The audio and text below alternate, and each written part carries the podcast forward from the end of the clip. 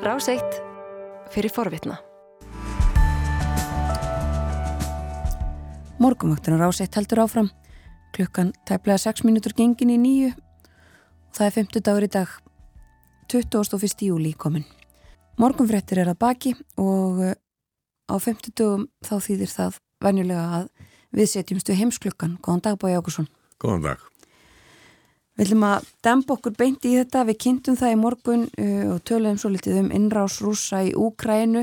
Það eru tæpir fimm mánuður liðinir síðan að hún hófst og uh, þessi mál eru til umföllunar í heimsklokkanum í dag. Þau eru það. Um, það var fyrir uh, nokkru þá var Norrænafélagið með uh, fund um, uh, getum við sagt, öryggismála á norðurslóðum og norðurlöndum eftir innrás uh, í Úkræninu og þar voru ræðumenn og, og fjallum um þetta Björn Bjarnarsson og Baldur Þórhaldsson og við Björn settum sniður sítiðis í gær til þess að ræða þetta aðeins. Og ég spurði Björn fyrst hvort að staðan í öryggismálum væri ekki algjörlega gjör breytt eftir innrásina. Það er algjörlega gjör breytt stað, það er rétt að það er ekki hægt að nota annað orðum það og það er náttúrulega frólitt að sjá hvernig þetta þróast við sáum fund NATO í lok júni í Madrid þar sem þeir voru að móta nýja grunnstöfnu bandalagsins. Og áherslan á norðurið og á það sem okkar svæði er norður Allandshafið og allt það sem varðar Norðurlöndin hefur aukið svo mikið og náttúrulega allt annað þegar svíjar og finnar eru komin þann inn og þessi hluti í Evrópu, þessi norður hluti í Evrópu og, og uh, norður Ísafið og norður slóðir og allt þetta á eftir að koma miklu meir inn í myndina handur við höfum hugmyndum núna. Því að östur hluti Evrópu, Úkraina, söður hlutin, jújú, allt er þetta mikilvægt en allir menna að sækja í nýjar öðlindir og allir menna að nýta nýt tækifæri þá er þau meiri í norðri heldur en söðri. Nú hafa menn vel að spyrja sig hvað gengur rúsum til? Já, í Úkrænu ámar ekki bara taka marka því sem Putin segir og hann líta Úkrænu sem hlut af Rúslandi og það er engin landamæri að vera og þetta sé þjóðarbrót sem eigi heima innan Rúslands og hafi raun og veru ekki neina menningarlega sjálfst, sjálfstjórn eða sjálfstæð, nýtt, neitt menningarlegt sjálfstæði fyrir kjöðu sem þurfa að virða og landamærin séu í raun og veru gerfi landamæri og hann eigi að ráða þessu. Þetta er það sem hann hefur sagt og, og hann hefur náttúrulega litið á stóru Rúsland sem markmið sitt en uh, hvað á hann til með að gera í norðri þá eftir að koma í ljós en hann hefur lagt gífurlega miklu áherslu í sinni stjórnatíð á norðurslóðir og þeir gera sig grein fyrir því að þeirra auðlindir koma úr norðri þegar þeir eru að tala um jarðefna, elsneiti, gas og líka fleiri auðlindir sem eru undan nálgast núna eftir að lofslagsbreytinga leiða til línunar sem þeir hefði aldrei geta náð áður. Nú hann hefur líka lagt áherslu á norður syklingaleiðina. Það að vísu er kannski meira í loftinu núna eða liggur niðri sem, sem viðfamsefni þegar ástandið er eins og það er.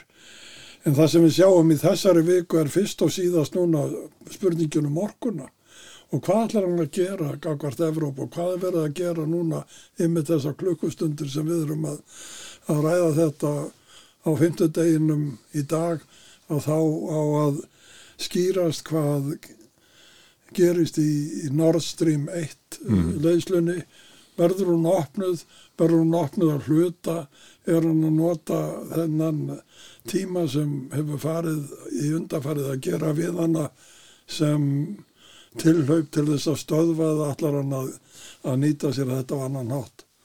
Já, leðslan hefur, leðslan hefur verið lokuð núna vegna víðhalds Já. Já, og margir eh, sem hafa spáð því að uh, hún verði eiginlega reynlega ekki opnuð aftur. En þetta þýðir væntanlega og og Evropasambandið hefur verið að endur meta sína stefnu í orkumálum þó að það sé ekki Evropasambandsmál að máli einstakra aðildaríkja að þjóður eins og þjóður eins og þjóðverjar það, það er hljóta að endur meta alla sína stefnu.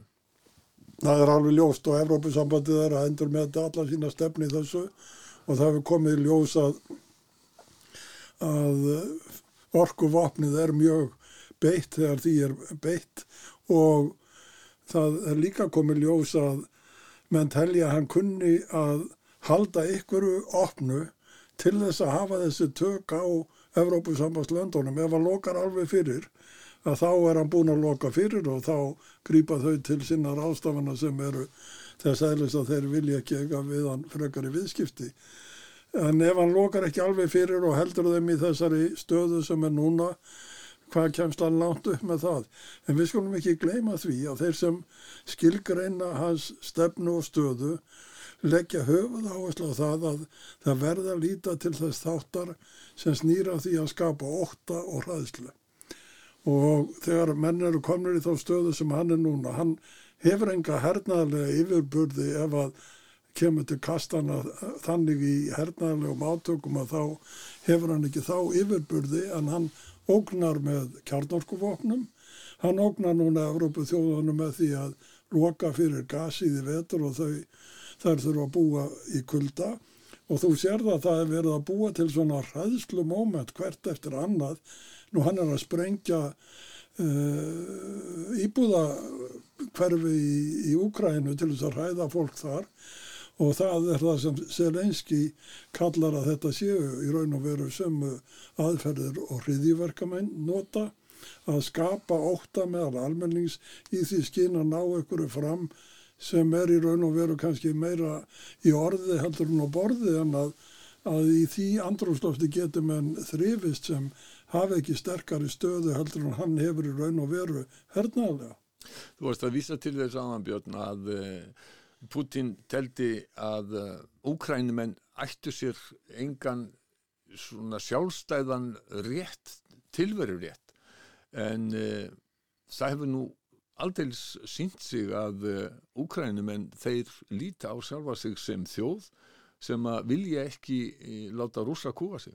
Það er alveg greinlegt og ég held að það hefur komið honum mest á óvart og þeim rúsum sem hafa trúað því að úkrænumenn væru eins og svona útnári í Rúslandi sem bröðkarfa sem þeir getur bara farið í og náði það bröð sem þeir vildu og eða hvernig sem við hefum orðað það að vísum með þessa menningarlegu miðstöð sem kænugarður er en, en enga síður alltaf sem þið segja og hafa sagt um aldir um Úkrænu er þess aðlis að þeir verðast ekki trúa því að líta á þá sem sjálfstæða þjóð. En nú kemur það í ljós að svo er uh, all, þeirra skoðun á því er all röng ef hann held að hann kæmi til Úkræn og verið tekið á mótunum með blómum að það var það fyrir miklu vonbriðum og það eru fimm mánuði núna síðan stríðið hófst og við sjáum hvernig þetta er.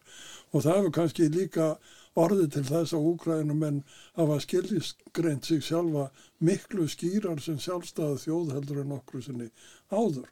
Og það sem er að gerast í þessu pólitíst finnar og svíjar að gangi NATO Úkrænum er búin að semja um aðildar viðræður við Evrópusambandið í desember 2013 þegar þetta byrjaði alls saman að þá var Pútin að, að neyða úkrænumenn til þess að halda sér frá Evrópusambandinu.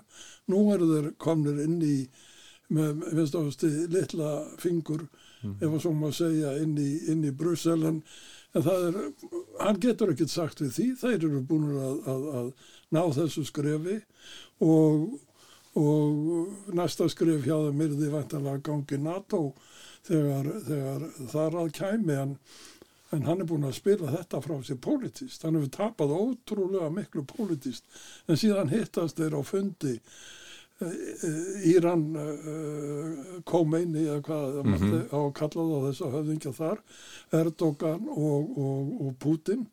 Og það sem er náttúrulega förðurlegast það sem erum vitnað núna hvaða hlutverki Erdogan gegnur, hann verðist vera allstaðar og hvað, hver er hann að reyna að ná framgangvart úr rúsum svo ætla þeir að segja að þeir hafi opnað bröðkorfuna og, og maturmunni og kortmunni og kveit, kveitimunni streyma frá, frá Úkrænu til eða Rúslandi til Afríku og gera þeim skona bjargvættir. En það sem Erdogan verðist tvist og síðast verið að gera er að fá þá til þess að leifa sér, ef ég má nota þá að leifa að stunda hernaði í Sýrlandi þannig að hann geti dreipið kúrtana þar eins og hann vil gera allstaðar annar staðar.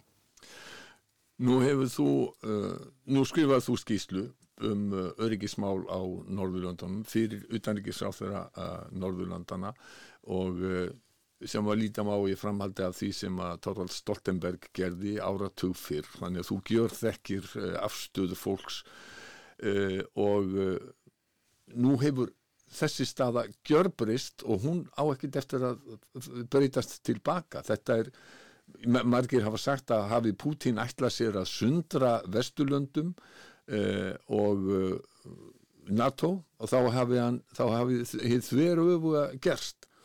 Serðu að Norðurland verði nokkur tíman eh, söm eftir innrásina? Þau var ekki söm í örgismálum því að það verður ekki, ég sé ekki finna á sví að segja þessu úr NATO. Og það sem ég gerði þarna veturinn 2019-2020 var að fara og halda fjölda að funda og hitta trúnaðamenn á mörgum stöðum. Og ég verði að segja það að eftir að hafa verið að fjallum norðan örgismáli 50 ár að þá kom það mér mjög óvart og ég opna skjöldi raun og veru. Hvað var mikill samhljómur á milli þeirra ríkja sem er í NATO og hinna sem voru utan NATO þá finna og svíja og ennbættismenni í Helsingi og Stokkólmi voru jáfnvel enn ákveðnari í nöðsin þess að skapa mótvægi gegn rúsum heldur en við á NATO svæðinu og þeir voru miklu útsettari fyrir á þeim tíma netárásir og, og alls konar þvinganir sem menn beita með nútíma tækni og ég nota í skýslunni uh, hybrid warfare eða mm. fjölþáttastríð. Og menn hafa sagt við mig eftir að skýslan kom út og ég hef verið spurður á fundum Akkur notar þetta orð fjölþátt og stríð á þessum tíma þegar þetta var að gera sem þú fost að skrifa þetta. Þá saði ég af því að það, það orð var notað þegar ég hitti embætismennina og sérfræðingarna bæði í, í lauruglu og, og herr sem voru að, að, að fylgjast með öryggi þjóðana.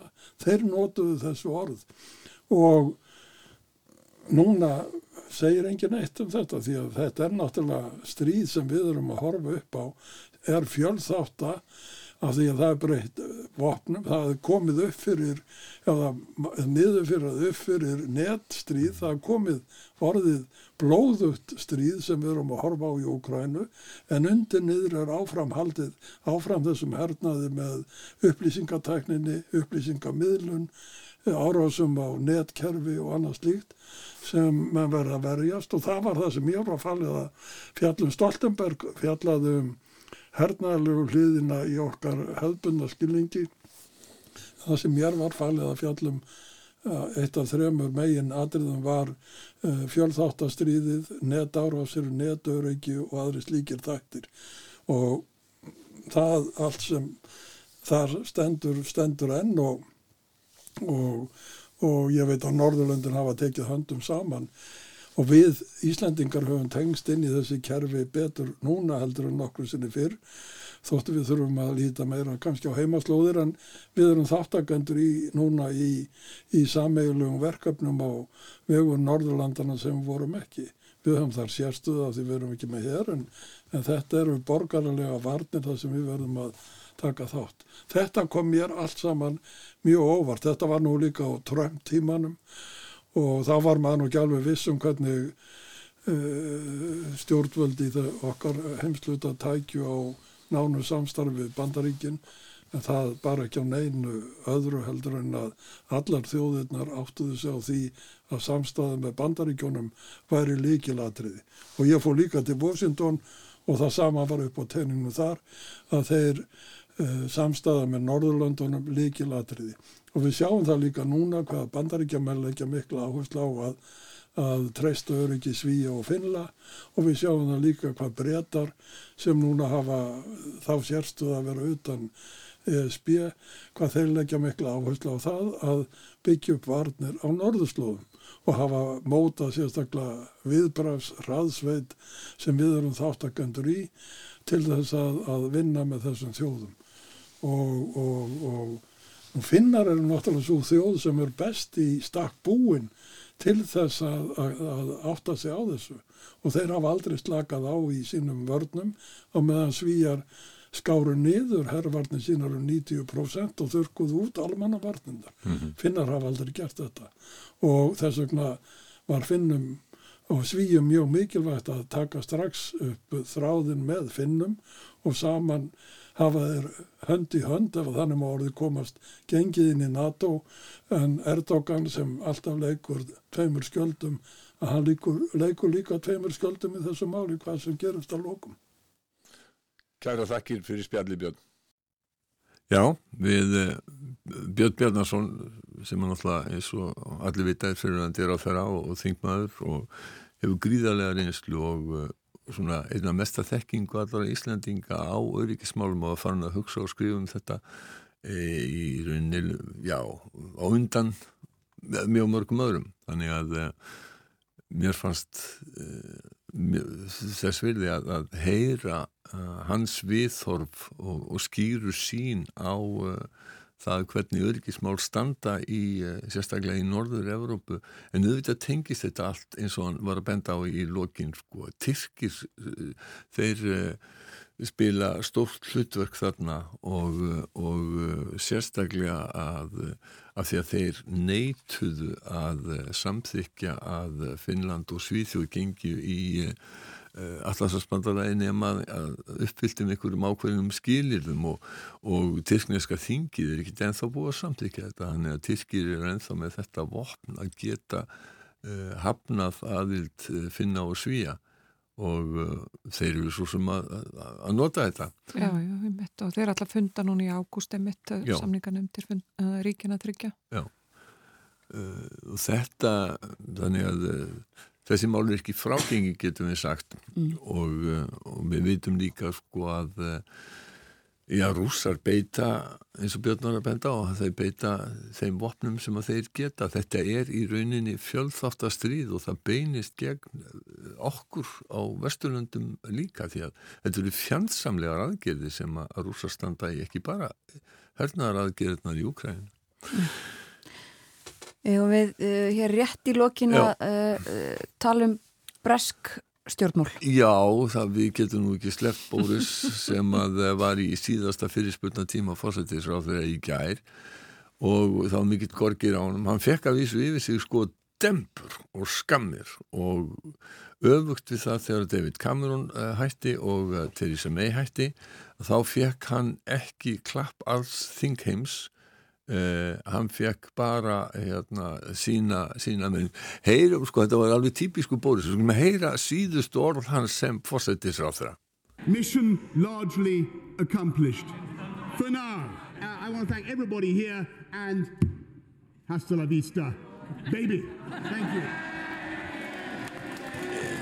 Mission almost completed sko, ég náði næstum uh, dagmörkum mínum og svo sko vittnar hann í Terminator og Arnold Schwarzenegger.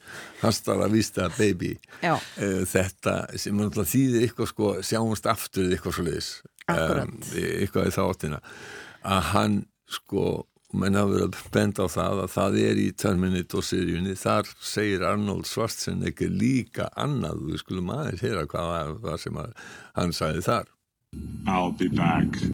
I'll be back.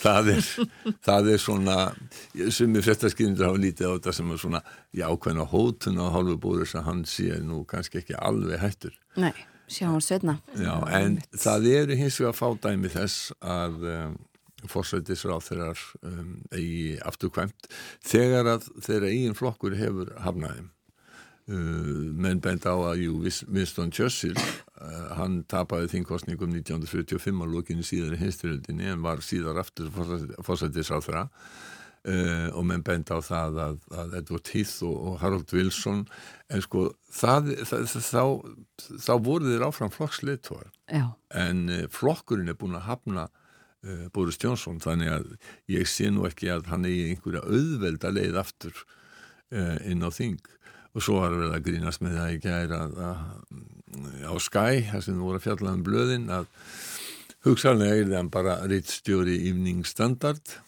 Og uh, uh, það var bent á það að Evening Standard væri í eigu uh, rússa sem að hefði, Boris hefði gert að, að breskum lávarði. Þannig hann ætti sjálfsagt einhver að hanga upp í bakjáðunum þetta er svonur KGB hersöðingja Þetta er eitt af því sem að þykir mjög dölafullt af því sem að Boris uh, hefur gert þarna. Akkurat. En nú er hans eins og hættur og nú, taka, nú tekum við hörð kostningabaróta.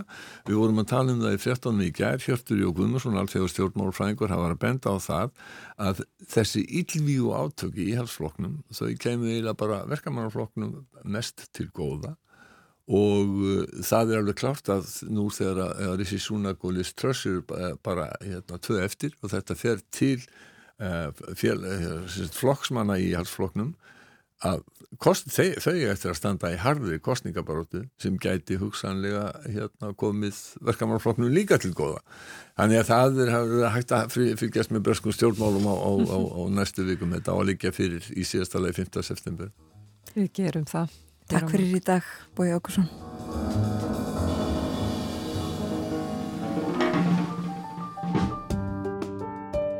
Þú varst að hlusta á hlaðvarpsþátt frá Rás 1. Ef þið langar til að heyra meira, farðu þá á rúf.is skástrygg hlaðvarp eða spilaran á rúf.is skástrygg útvarp. Rás 1 fyrir forvitna.